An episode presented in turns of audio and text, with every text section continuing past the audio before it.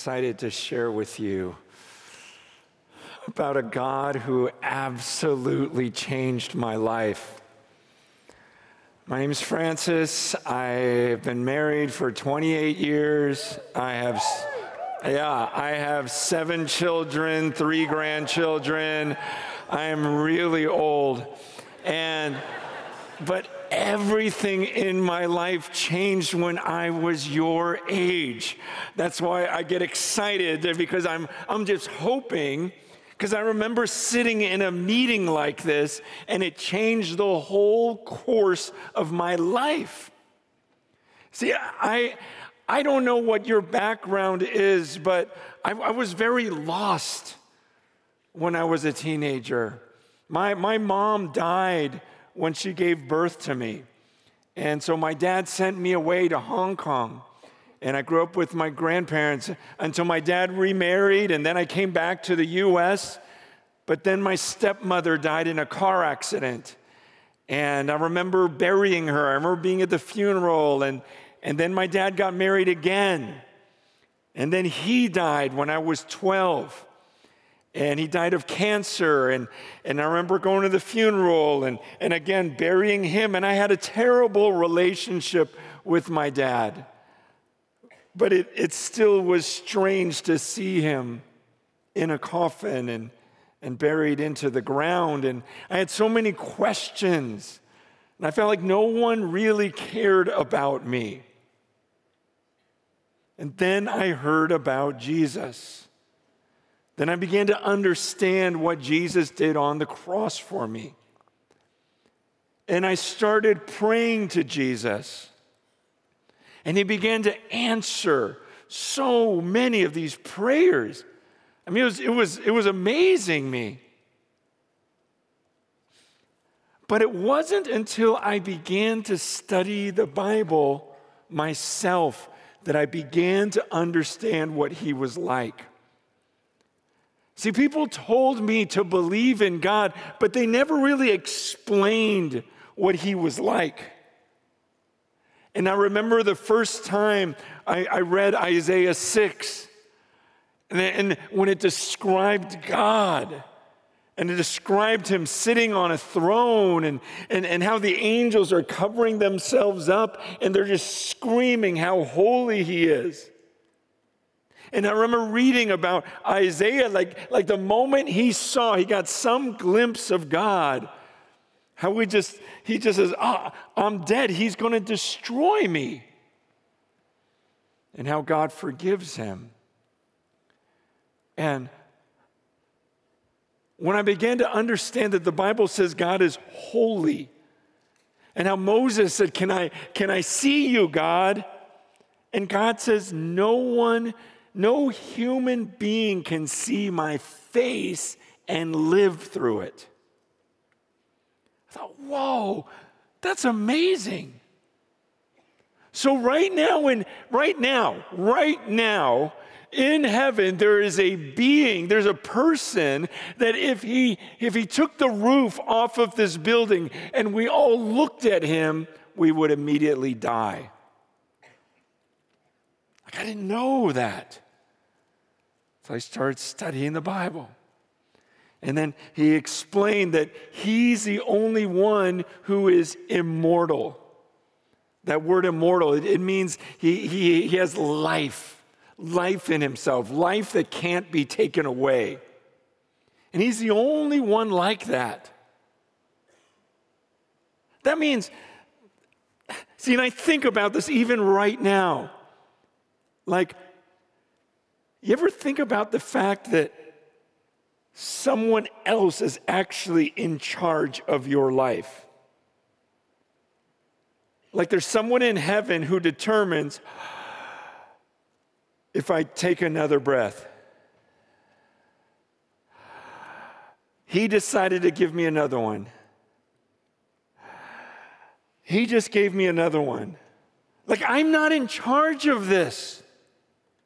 I mean, what does it do? I remember just realizing, wow, this is amazing to me.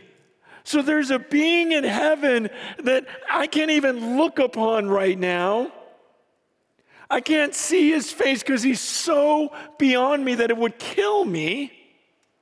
And then he's the one that's keeping me alive. It's up to him whether or not I live for the next 19 minutes of this message. He determines whether I walk off of this stage. See, I, I, I start thinking about these things because I see how quickly life can end. You guys, I've had friends die while they were preaching. So I don't just say that hypothetically, like, like I don't know, it's up to him. That's why in the book of James it says it's, it's arrogant of us to say, I'm going to do this next year. He goes, You don't even know, know if you have tomorrow. Your life is a vapor.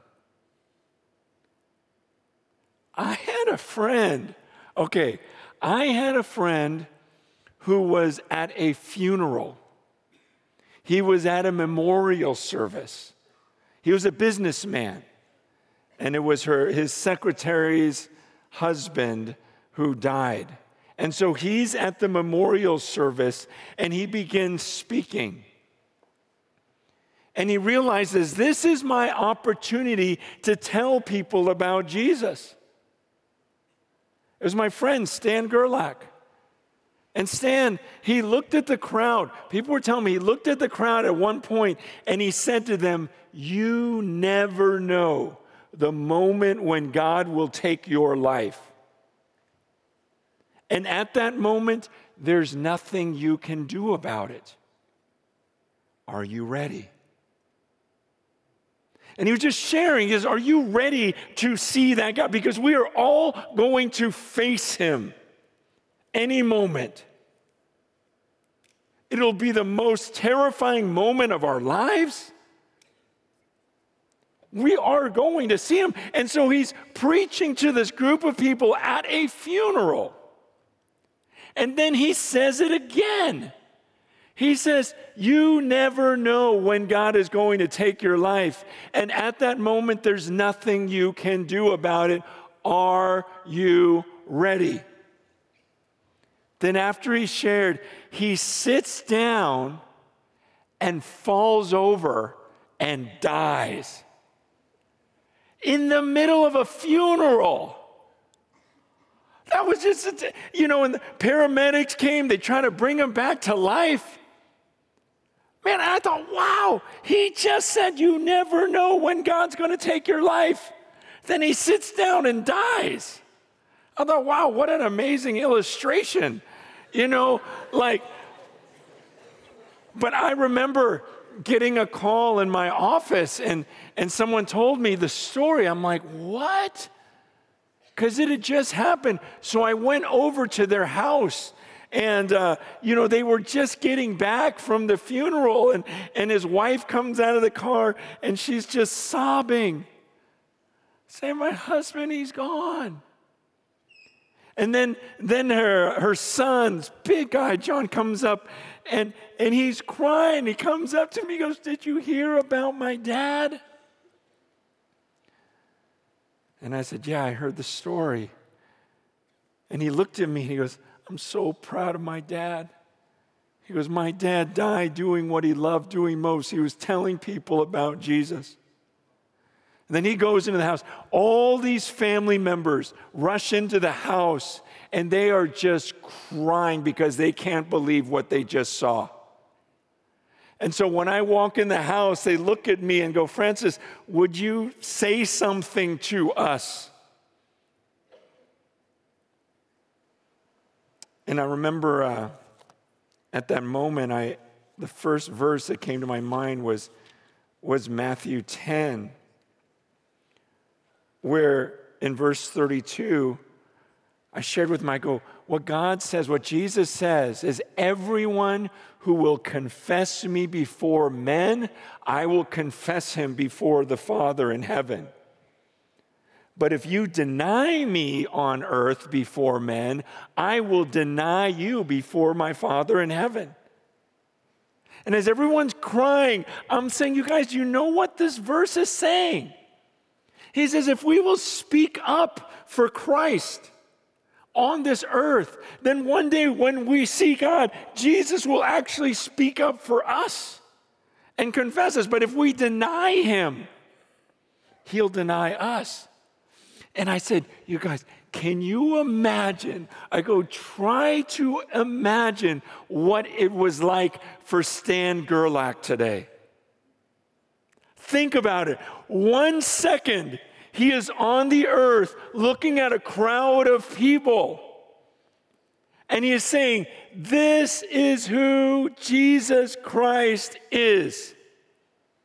One second later, He's standing before God, and Jesus is going, Father, this is who Stan Gerlach is. I go, he had Jesus confessing him before the Father. What did that feel like? And the whole family, they just, just, just imagined what that must have felt like for him one second confessing Jesus, and one second later having Jesus confess him before the Father. And I remember leaving that day going, oh man, I want to die like that. You know, like with, I'll probably say something stupid and then die. But he, you know, that for the last words of his mouth being the gospel. And then he stands before a holy God you see, I, uh, I wrestle because when I began studying the Bible, and I, I try to read through the Bible every year, been trying to do that for 40 years, um, just so that I'm always going through and I get a complete picture of God. But I remember the more I read the Bible, the more I was shocked how few people read it and I realized a lot of times in church, they'll preach the same few passages over and over and over. And I'm going, wow, there's a lot to this God that people don't talk about. I remember when I gave my life to Jesus, and I believe I was sincere, I was just so afraid to approach God not knowing if I'm going to heaven or hell. And when people said that I could have a relationship with him, I could be forgiven, I'm like, absolutely, I want that. I want to be forgiven. I want to know where I'm going when I, when I die. But then when I started reading the scriptures, and, and I remember a lady, a little old lady, prayed for me and, and said, Okay, now you're going to heaven. And I'm like, Oh, wow, cool. That was easy. And, but then I, the more I studied the scriptures, I began to understand not only God and how holy He is, but I began to see what Jesus said it meant to be a disciple. He doesn't say anywhere in the New Testament, just pray a prayer and ask me into your heart. He talks about being a disciple, following him. In fact, you hear in the church many people say, Oh, yes, I believe in the Lord Jesus. Do you understand what that word Lord means? In Luke chapter 6, verse 46, Jesus asks a question. He goes, Why do you call me Lord, Lord, and yet you don't do what I ask you to do? Jesus, why do you call me Lord and not do what I ask you to do? I mean, the word Lord means master. The Lord, you're, saying, You're my master. And so Jesus is going, Why are you guys calling me master? Every time I ask you to do something, you don't do it. So why would you call me Lord and not do what I say? And as I'm reading these passages, I'm noticing people in the church, it seemed like our prayers and posture towards God was, Lord, do this for me. Lord, do that for me. Lord, how come you didn't answer this? Lord, how come? And I thought, wow, that sounds kind of silly. Master, do this. Master, do that. And, and it was like, no one explained to me that when you come to God, you're coming to Him as His servant. You're calling Him Lord. And yet at the same time, you're coming to Him as a child and as His son or His daughter. But it's this idea of He becomes our authority. It's kind of like this. It's like it's like you're driving along. How many of you drive? Do you guys drive? Oh, okay. A lot of you drive. I couldn't tell what age you were because it's dark. Okay. But suppose you're driving along. This is this is the best I can explain it. And you see Jesus on the side of the road. What a lot of people want to do is open up the trunk. Do you guys call it the trunk or the boot or Kadashkadog. Okay.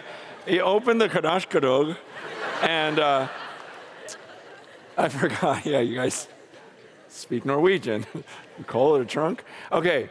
How do you say it? Agashtago. Is that good? Agashtago. So, so it's like you're driving along, you see Jesus, so you open the Hadashkado and and you say, Hey, Jesus, go ahead, get in the Hadashkado.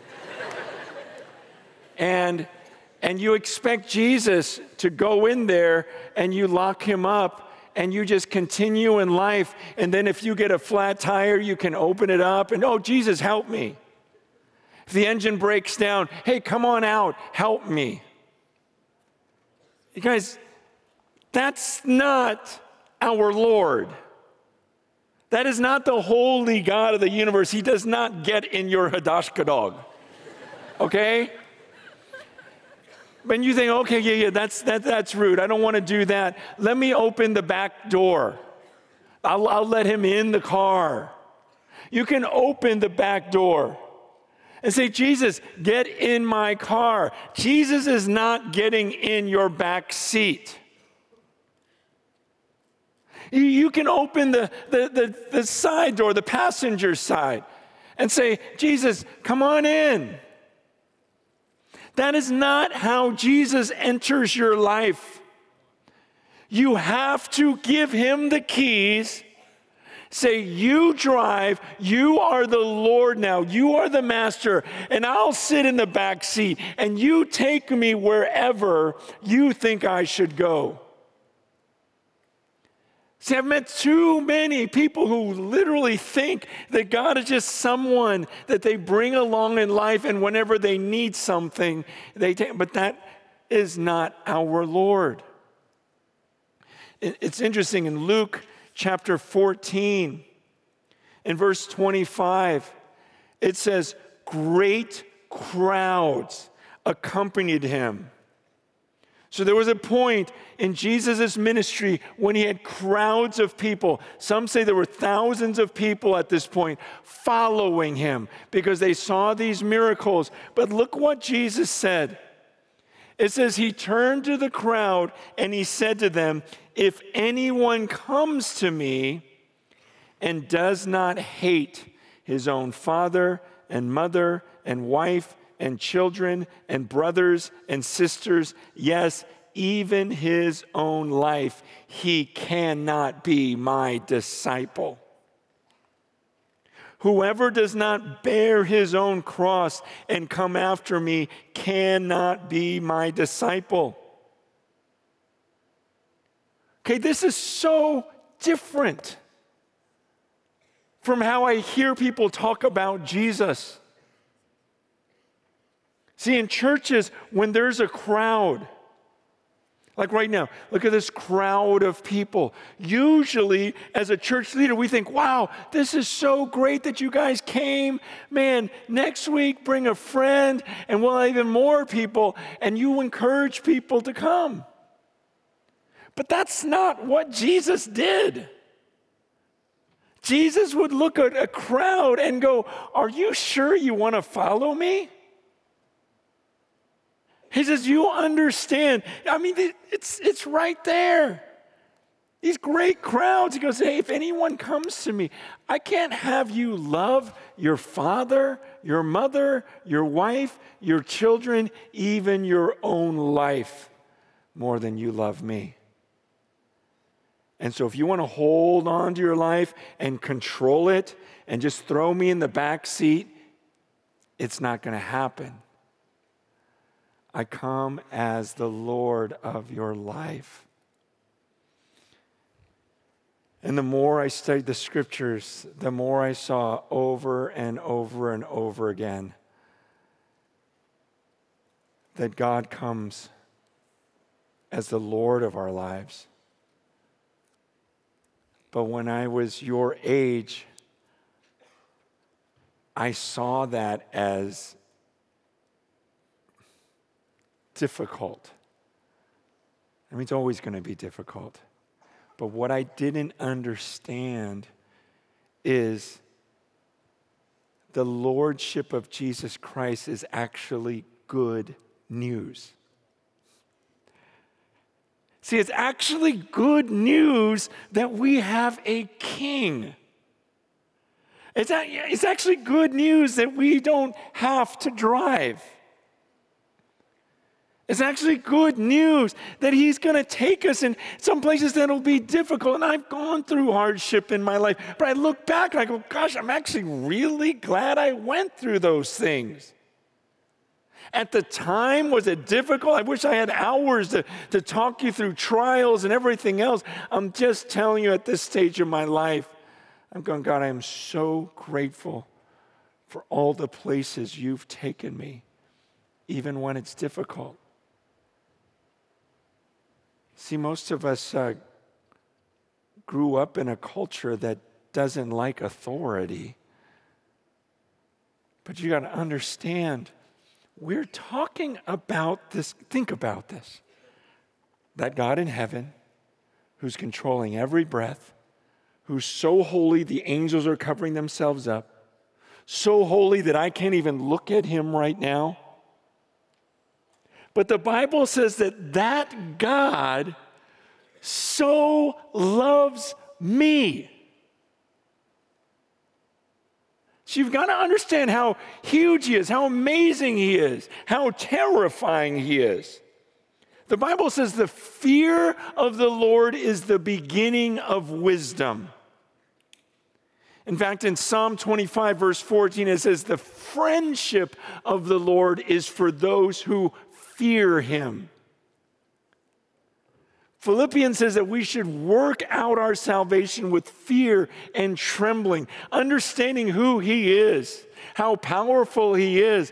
But then, once you understand that, and then you realize wait a second, that God, in all of His glory, that the angels are cowering, that God sent his son. He watched his son take the form of a man and be tortured on a cross, dying for everything I did wrong.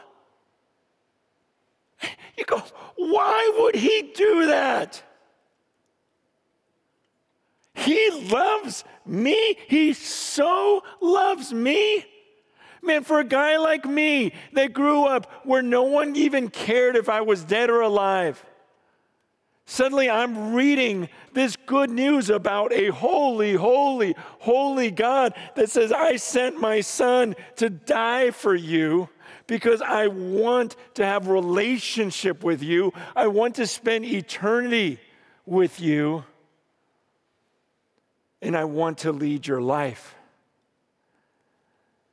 You go, wow, that is great news because I will make a mess of my life I actually want you to be the Lord.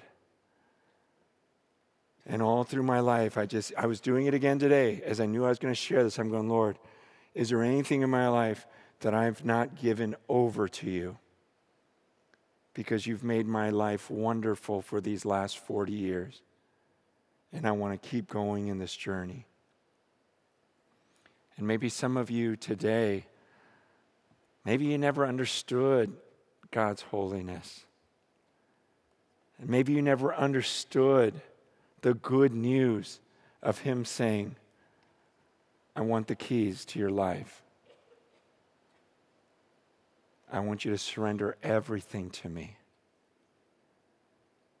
And maybe this is the first time you understand wow, if that being is really like that and determines my every breath, and he so loved me that he would watch his son suffer so he could have a relationship with me, I can trust him. And I want to come under that authority. You know, a few years ago, my wife and I adopted a 16 year old girl out of the foster system, and oh, I love her so much. And um, it's tough, though, adopting a 16 year old. And her life was a mess, and she hated authority. But I just loved her as a dad provided for her. You know, just I just loved hanging out with her. Our whole family loved hanging out with her. And we took her in as family. But she didn't like the rules in the house. She didn't like the authority. And I remember just telling her one day, I go, honey, I know this is hard for you. And I know you love me. You love how I provide for you and how I love you, but you don't love my authority. And I get it. You've always hated authority. But I want to love you so well that one day you're going to be glad you're actually under the rules of my house. Because my rules are for you. They're make your life amazing. I'd do anything for you, honey. And these rules that I have in the home and the authority over you is a great thing. But I want to do so well as a dad that you see that one day. See, that's what your Heavenly Father is saying to you. Some of you, maybe there's things in your life you haven't given over. And God is saying, I know you love that I died for you. You love that I saved you. But you don't really want me to be the King, the Lord, the Father, and the authority in your life. But He's saying, Trust me. The Bible says, if He did not spare His only Son, will He not freely give us all things? I'm just telling you. I gave my life to the Lord as a teenager. And when I understood his lordship, it scared me at first. But I also thought, well, that's the only way I can have him. It's all or nothing. You can't say, I want you to save me, but I don't want you to be Lord. He says, I, I am Lord. He says, You can't be my disciple unless you surrender your life. And he goes, You try to hold on to it, you will lose your life. But if you lose your life for my sake, you will find it. So I want to just give you some time right now to just speak to him. You know, sometimes uh, I, I really started praying at your age, and I would picture God on his throne. And the Bible says there's a hundred million angels worshiping him. And I would picture that. And even though I can't look at him, I just, just picture all the angels screaming out his holiness. And then I would start to speak. You guys, if you would just take 10, 20, 30 seconds to think about who you're talking to before you pray, it would change your prayer entirely. Because too often we just go, Oh, God, thanks for the day. Thanks, it was fun. Whoa, whoa, is that really what you would say if you were, if you could see the throne and all the angels and everyone screaming out his holiness? You just, oh, hey, God, thanks for the. No. That's why I'm saying let's take a few seconds. I want to give you some time to pray, but I want you to think about who you're praying to. Why don't you bow your heads right now?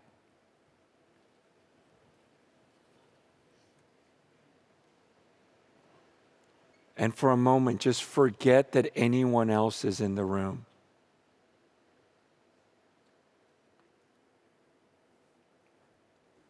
It's just you and God.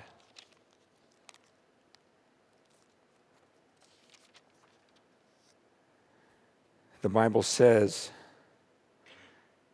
Isaiah chapter 6, Isaiah says, I saw the Lord sitting upon a throne, high and lifted up, and the train of his robe filled the temple. temple.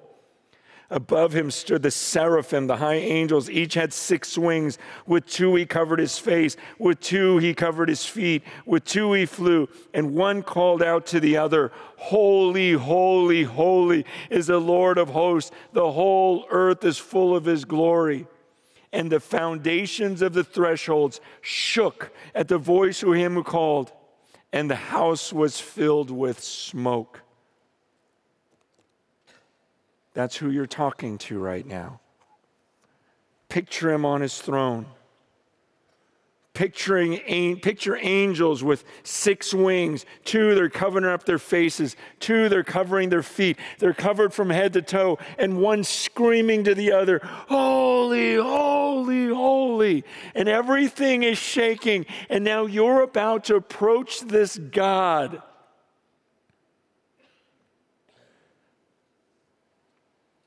And I want to give you some time to speak to him. Tell him if you're afraid to make him the Lord of your life. He knows it, anyways. But also think about that God on the throne and how he loved you so much that he would have his son die for you on that cross. Like he desires you. Just like with my adopted daughters, like, I want you in my family.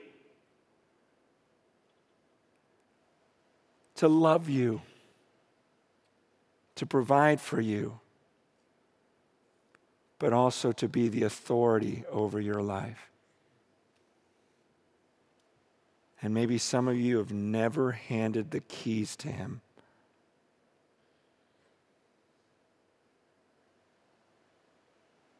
Just pray to Him now. Tell Him what's on your heart.